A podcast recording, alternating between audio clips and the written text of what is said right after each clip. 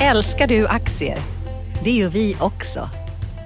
Sea Worldwide Asset Management är en av Nordens största oberoende aktiva aktieförvaltare och har samlad kunskap sedan 1986. Ta del av vår kunskap på seaworldwide.se. Bokstaven C, worldwide.se.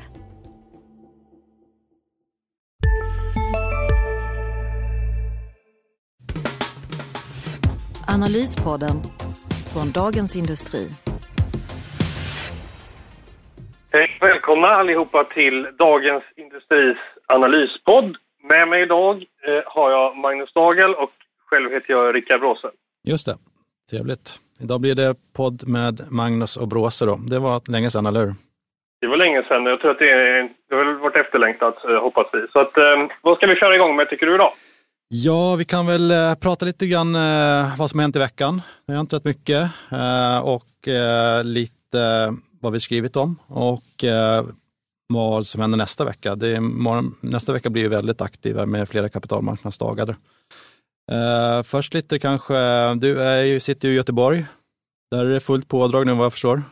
Det är det. Jag vandrade Avenyn igår kväll. Det var Avenyn blinkade blått som, som det kan göra bara på Medborgarplatsen sent en lördagkväll. Det var piketbussar och poliser och eh, hästar och all, all, allting överallt och väldigt lite folk. Det var nog mer poliser ute än vad det var människor ute och spårvagnarna stod stilla. Så att det var lite smått surrealistisk känsla att vandra, vandra fram där.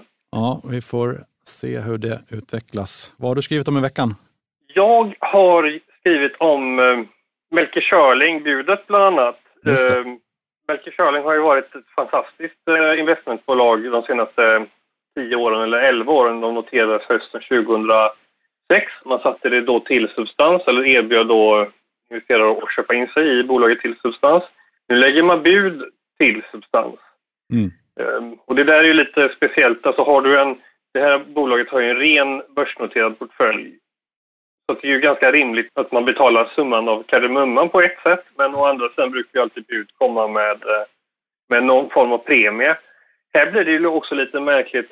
Eh, det blir lite märkligt när du har när de underliggande tillgångarna rör på sig hela tiden. Så att om man tittar idag så, så har budet faktiskt varit en rabatt på 2 Mm.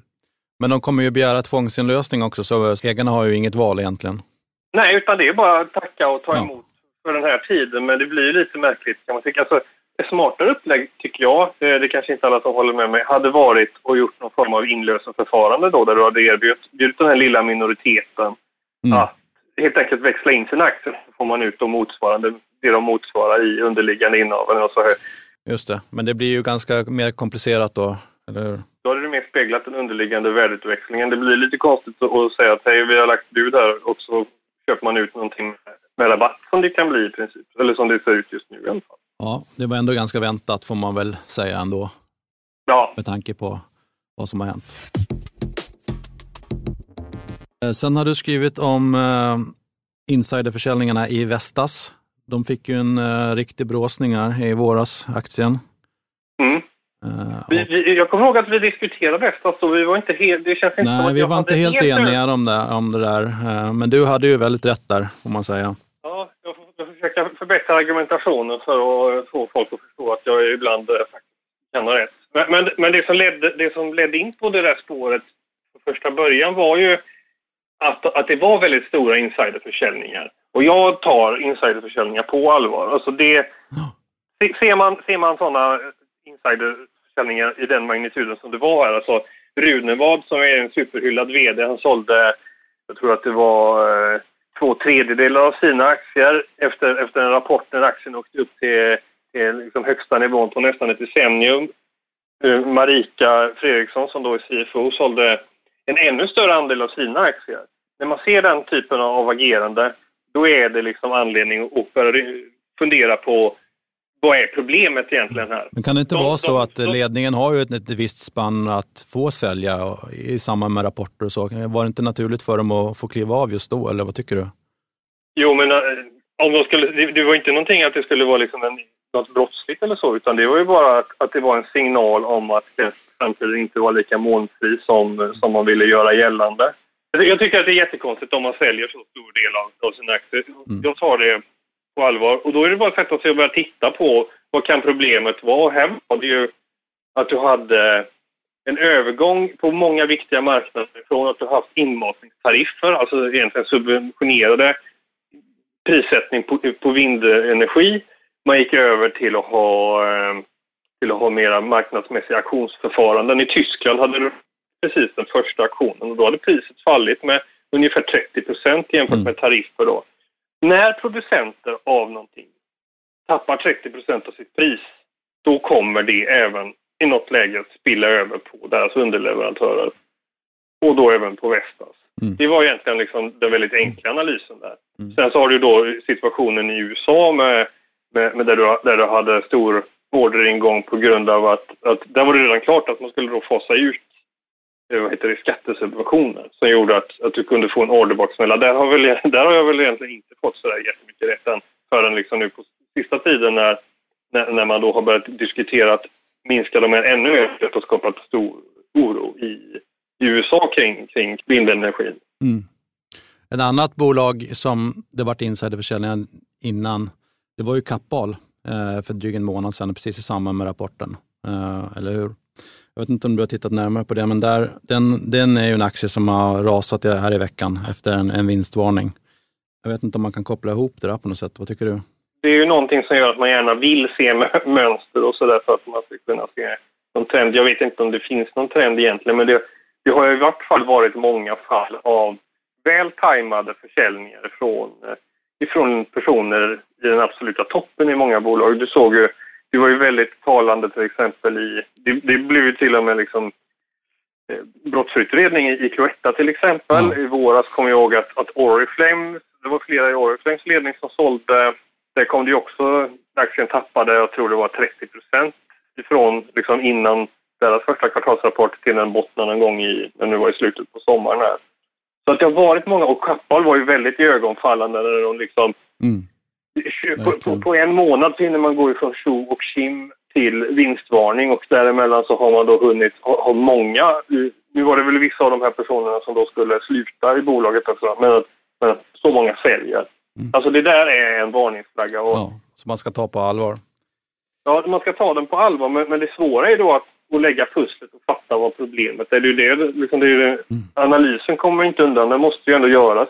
Nej, för Kappahl hade ju precis presenterat ett väldigt starkt rapport där och ett inlösenprogram, så det var ju svårt mm. att se det just då.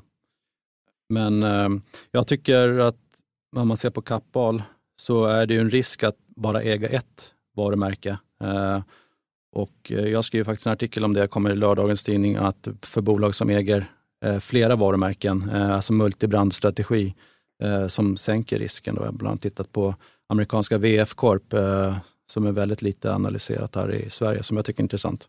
Men det kommer alltså i eh, lördagens tidning. Då.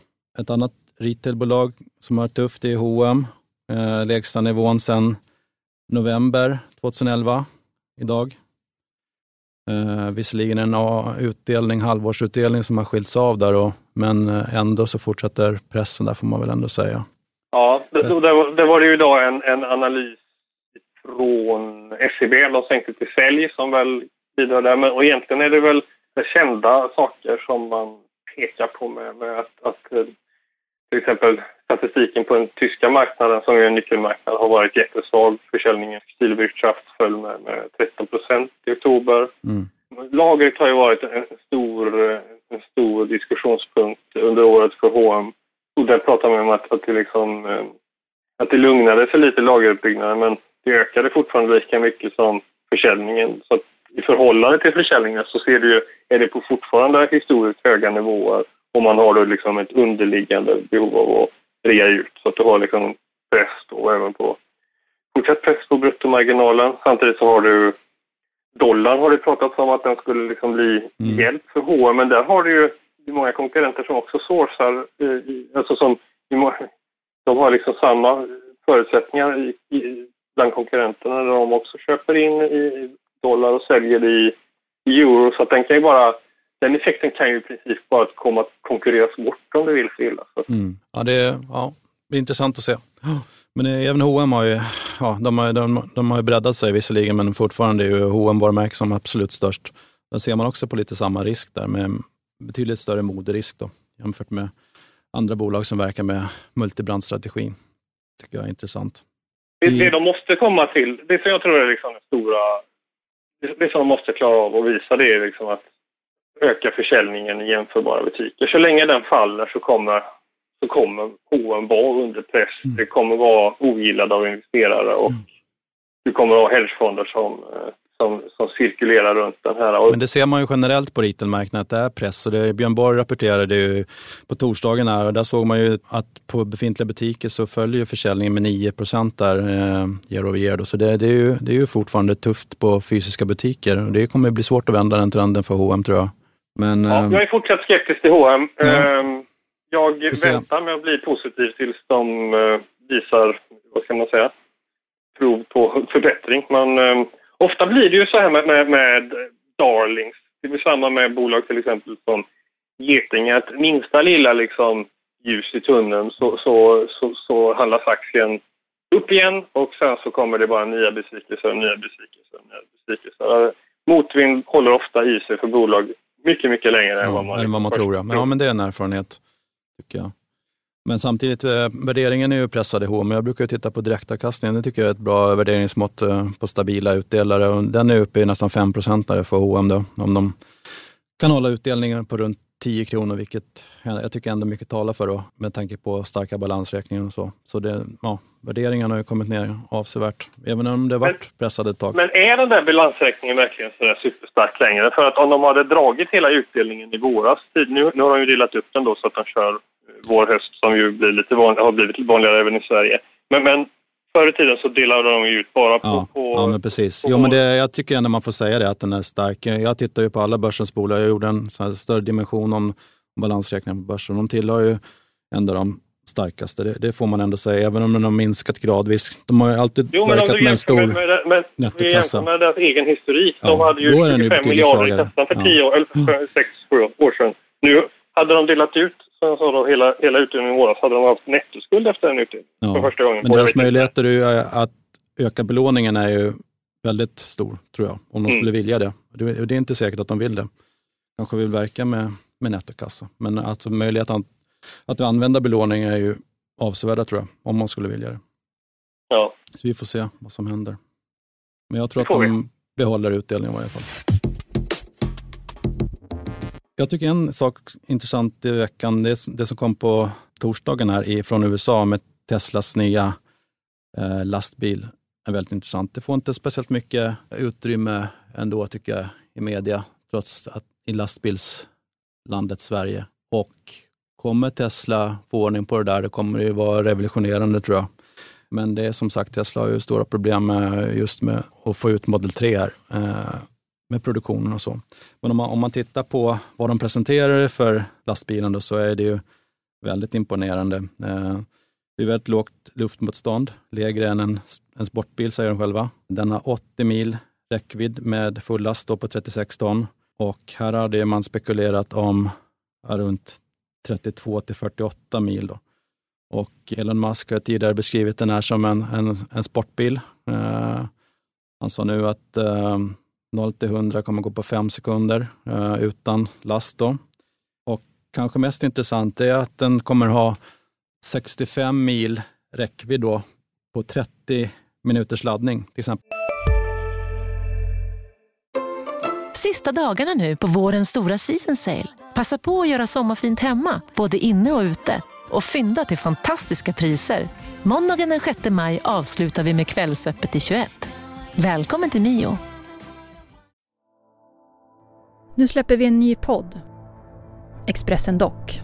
Einar han, går in i fel gård, förstår du? Och sen där, en annan skytt jag tror kommer emot honom och, och fortsätter skjuta. Lyssna på premiäravsnittet. Mordet på Einar, det sista vittnet. Med mig, krimreporter Nina Svanberg. Hon började skrika på mig. Backa hon började säga. Så vad, vad hände? Så hon bara, han är död. Så jag bara, vad säger du för något? Så hon började skrika, han är död. Så jag sköt honom nu 21 meter. Lyssna i appen eller där poddar finns.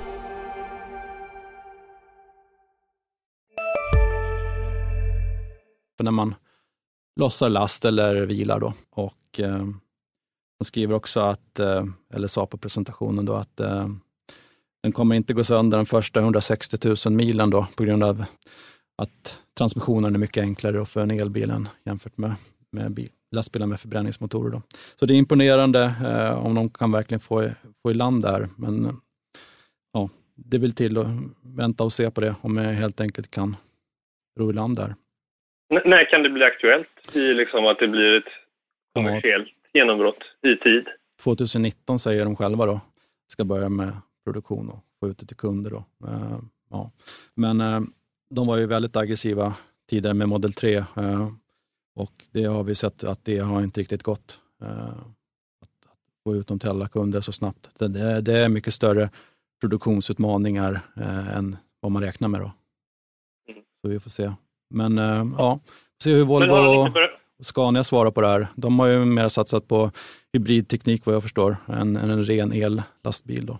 Men har inte Musk börjat få lite, vad heter det, glorian på, på sned nu senaste tiden? Att han har börjat ifrågasättas? Eh, att de har sagt saker och så håller de inte riktigt det de lovar och det de säger stämmer inte. Och det har varit prognoser som inte riktigt har uppfyllts och sådär. Ja, och man, man förstår ju inte riktigt hur Karn kan hålla igång alla projekten. Med både resor till Mars, lastbilar, Model 3 uh, eh, och befintliga modellprogrammet i Tesla. Dessutom Solar City på det förvärvet. Uh, och sen håller han på med den här tunneln också till, uh, under marken där för Hyperloop. Så det, ja, det är lite svår, svårt att få ihop det där projektet. Men mm. investerarna verkar inte tvivla i alla fall om man sitter på värderingen av Tesla. Vad har mer hänt i veckan? Det har ju varit fokus på eh, bostadsutvecklarna som vanligt har vi skrivit om. Det kommer en intressant nyhet där eh, att ehm, David Mindus Sagax köper in sig i Tobin Properties. Väldigt eh, liten post förvisso, men eh, David Mindus är en person som kan räkna och eh, han borde gjort sin hemläxa på en låg värdering. Jag tittade på estimaten som ligger nu på bostadsutvecklaren och då handlas Tobin i P 1,7 och Oscar Properties 1,8. Så det, det kan ju visserligen bli, vinsten blir noll, givetvis om man drar ner projekten och det kan lika gärna bli P80. Men det säger ju ändå någonting att, att det är pressat nu på de här produktionsplanerna som ligger nu i alla fall. Mm. Så får vi se om han får rätt. Och sen kan vi väl tillägga att David Mindus är ju ingen som brukar springa runt. Det här är inte hans naturliga habitat riktigt i fastighetsvärlden. Nej. Han är mer inriktad på lager och lättindustri och sådana saker i Saga som ju har varit fantastiskt. Ja, fantastiskt, fantastiskt aktiv. Så att han är ju lite utanför sin, sina vanliga betesmarker. Så att det är en intressant signal eh, därifrån får man ju ändå säga. Ja, men väldigt konstigt att de gör affären då i Sagax och inte privat, får man ändå säga. Ja. De avviker från lager och lättindustri där kanske finns någonting där som man inte riktigt har tänkt på. Som kan. Ja. Ja, vi får fundera på var, varför, om det kan finnas någonting mer bakom det där. Vi har ju någonting som heter Gasellfester som eh, igår i Göteborg. Hans Wallestam var där och pratade. Han har ju varit, vad ska man säga, en försiktig pessimist till, till bostadsmarknaden ja. i, i, i, flera år nu. Och ja. nu men det har ändå varit lite svårt att få ihop det tycker jag. För han har ju byggt som aldrig förr, men ändå varit pessimistisk. Så det, den, den ekvationen har varit lite svårt att få ihop ändå, tycker jag. Ja, men sen har du, men jag, jag funderar mer och mer på att du har, alltså, är du en ren utvecklare som sitter och bara har liksom projekt, när det klappar ihop så klappar det ihop. Liksom. I, i Wallenstam, de, har, de är ju egentligen, det är ju grunden ett fastighetsbolag som har, lever på ett förvaltningsresultat och på det så utvecklar man då hyresrätter som man är främst inriktad på, mm. som sen går in i balansräkningen. Det är ju inte så att de de har ju inte en direkt exponering emot mot att eh, folk ska liksom vara alltså vilja att köpa jättedyra bostäder utan det blir mer ett, ren, ett, i alla fall ett renare spel på någon form av eh, urbanisering eller så här, ja. inflyttning till Stockholm. Och lägre risk framförallt. Det är ju jordens skillnad ja. mellan att utveckla bostadsrätter eh, och att eh, sen äga hyresrätterna som Wallenstam gör. Det är ju en, mm det är ju helt olika riskspektrum. Uh, visserligen är ju värderingarna på bostads, alltså hyresrätter, är ju väldigt pressade med väldigt låga gilder. Så även där skulle det kunna komma bli oro framöver tror jag. Absolut. Det är inte omöjligt att det sprider sig helt enkelt dit. För men här yielderna ligger på bara ett par procent på, på de här färdigutvecklade hyresbostäderna. Då. Så det är väldigt lågt. Men, men de bygger ju på vad är det, 6-7 procent. Ja, så värderar man upp det direkt då, till en annan yield. Det är ju, ja, får se hur länge det fortsätter. Ja, men det verkar som att han har ju verkligen tagit det på allvar och eh, dragit i handbromsen lite grann sådär. Eh, och, och det blev ju lite det där uttalandet som de gjorde för några, en, en, en måndag morgon för några veckor sedan om att, att ett projekt inte skulle bli bostadsrätter utan att de istället byggde hyresrätter. Just det, blev ju det blev lite som, vad ska man säga, i alla fall medialt blev det som någon form av skott i Sarajevo. Att, Mm. att, att efter det så har det ju varit väldigt, väldigt mycket bevakning av det här och det har ju dagligen skrivits. Ja, men väldigt, eh, i- om man tittar på den nyheten, så var det ju lite överdrivet kan jag tycka. För det är ju en del av deras eh, Wallenstams business helt enkelt. Att antingen utvecklar man bostadsrätter om det går bra eller så gör man om det till hyresrättsprojekt. Och det är sak samma för dem. Över tiden tjänar de ungefär lika mycket på den projekten. Men det var inte det som var, gjorde att, att, att folk blev nervösa utan det var att de sa att, att det inte fanns något intresse för Ja. att köpa bostadsrätter. Ja. Och, Och där ja. ser man ju risken med att bara utveckla bostadsrätter helt enkelt. Mm. Nu kan ju Wallenstam göra bägge och. Och det är en väldigt stor fördel med den affärsmodellen tycker jag. Ja, och det, vi har ju sett fler. Det var ju Sven-Olof Johansson som gick in och köpte en, ett hus ifrån Oscar Properties också. Det var väl någon vecka sedan, eller? Så det. börjar ju hända lite saker där i, i den sektorn. Alltså där de här gamla rävarna känns som att de börjar att röra på sig lite. Mm. Men den affären skedde ju till en lägre, lägre pris än senaste värderingen. Då. Så det, Mm. de som är försiktiga till fastigheter, de tar ju upp det. Eh, Jag tycker det, att, att värdet har gått ner helt, enkelt, på kommersiella också. Eh, Och den affären speglar det. Jag vet inte om man kan dra sådana långa slutsatser i och för sig. Om, om vi säger så här, nu kanske du blir arg på mig, men om, om jag skulle tvinga dig att köpa en av de rena bostadsutvecklarna som är noterade idag, vilken skulle du köpa då? Ja, det är ju JM klart, om jag får välja den. Mm. Ja, det är klart du får det. Ja. De har ju gjort alltså rent operativt som man ska göra som bostadsutvecklare. Alltså den operativa risken är ju väldigt hög i, för bostadsutvecklare. Men det de kan påverka det är ju bolaget själva. Och när andra bostadsutvecklare har kört med väldigt hög risk, både operativ och finansiell risk, har de ju gjort tvärtom. De har inte köpt några landmark eh, alltså de senaste åren, utan istället har de samlat på sig stora mängder likvida medel för att vara redo här eh, när, om det, marknaden går ner. Då. Så där, de har gjort, eh, gjort det helt rätt tycker jag. Även om de, de kan ju givetvis inte kontrollera antalet byggare, de kan inte kontrollera marken som kommer ut och de kan ju inte kontrollera konjunkturen. Men de gör, de, det de kan göra, det tycker jag de gör bra. Och värderingen är ju rätt pressad nu, får man ju säga. Börsvärdet är ju runt 15 miljarder. Vilken ska du köpa om jag tvingar dig? känns som att jag varit så fokuserad på att säga vad man inte ska köpa senaste året rent generellt. Beskab har väl varit en sån som jag tänkt, den har ju stuckit ut lite. De har ju, det är också en sån som har haft lite lägre finansiell risk än de... Det, det finns ju några av dem som både har haft liksom obligationer och preffar och sådär. Beskab har väl tillhört de här lite, om om man, av det här liksom lite, bland de lite mindre aktörerna som har haft lite lugnare. Den har väl gått betydligt bättre än de här andra också. Ja, den är ju ändå halverats från toppen. Man, så så Ja. var det inte. Nej, nej men den, ja, eh, och och så har de en duktig... eh, En VD som får väldigt mycket... eh, Som många tycker är duktig, helt enkelt. Så att... eh, Jag var ju träffade en bostadsutvecklare i veckan här som hade kapitalmarknadsdag, SSM. De har en lite annan strategi. De in- inriktar sig på mindre lägenheter i framförallt Stockholm då, till mera urbana personer som det så fint heter. Men det som är intressant där det är att de kommer att bygga ett av Europas eh, högsta bostadshus, eh, 250 meter, som till och med kommer att bli högre än Turning Towers. Då. Så de siktar verkligen högt där. Så man har ju Turning Torso och problemen där som NCC hade och bygga det i färskt minne. Den här mycket komplexa konstruktionen. Och, men samtidigt kan man ro där i hamn, det här projektet med den här skyskrapan så kommer det innebära väldigt goda vinster. Förmodligen högre vinst än vad börsvärdet är nu på, på bolaget. Då. Så det är stora möjligheter men också stora risker med bostadsutvecklarna. Ja, det är inget för mig, måste jag nog tillägga. För jag, jag skulle inte köpa någon av de här Och jag om, det brukar ju vara ett alternativ. Det är inte så att man måste köpa något utan man kan ju välja att stå helt utanför en sektor. Jag tycker att det, är, det finns en, en binär risk i det som gör att eh, som inte kan negligeras som gör att det blir besvärligt att kunna sova gott om natten. Och den risken har ju inte marknaden prisat in de senaste året eller två åren. Det är först nu man börjar göra att man prisar in risken i de här. Mm. Tycker jag. Innan så var det bara möjligheterna man prisar in.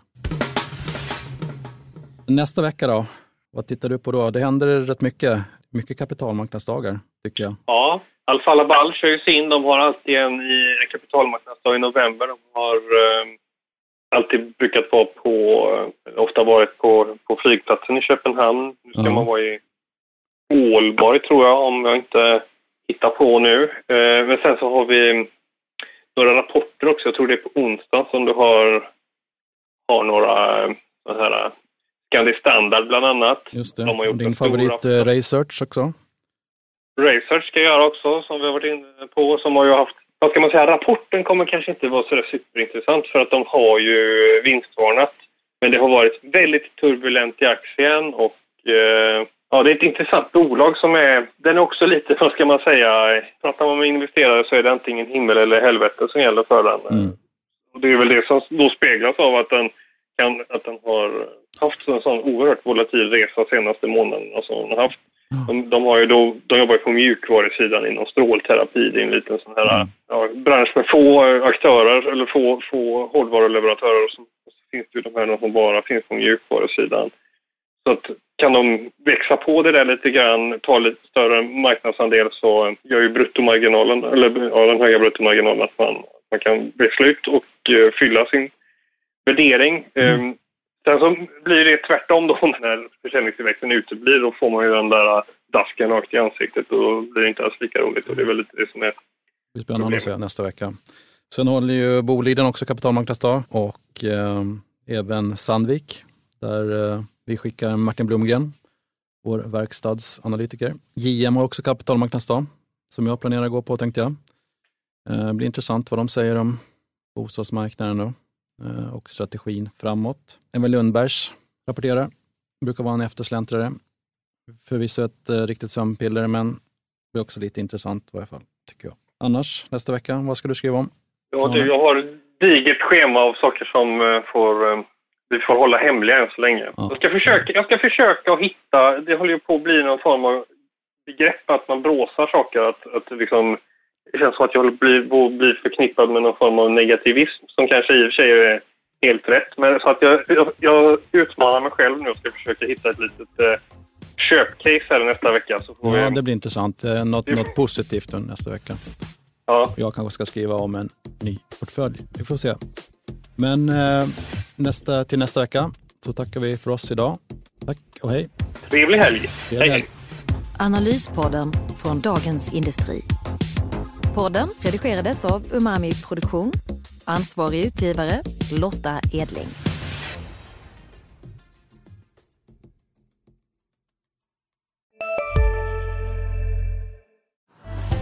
Älskar du aktier? Det gör vi också. Sea Worldwide Asset Management är en av Nordens största oberoende aktiva aktieförvaltare och har samlad kunskap sedan 1986. Ta del av vår kunskap på seaworldwide.se. Bokstaven C, worldwide.se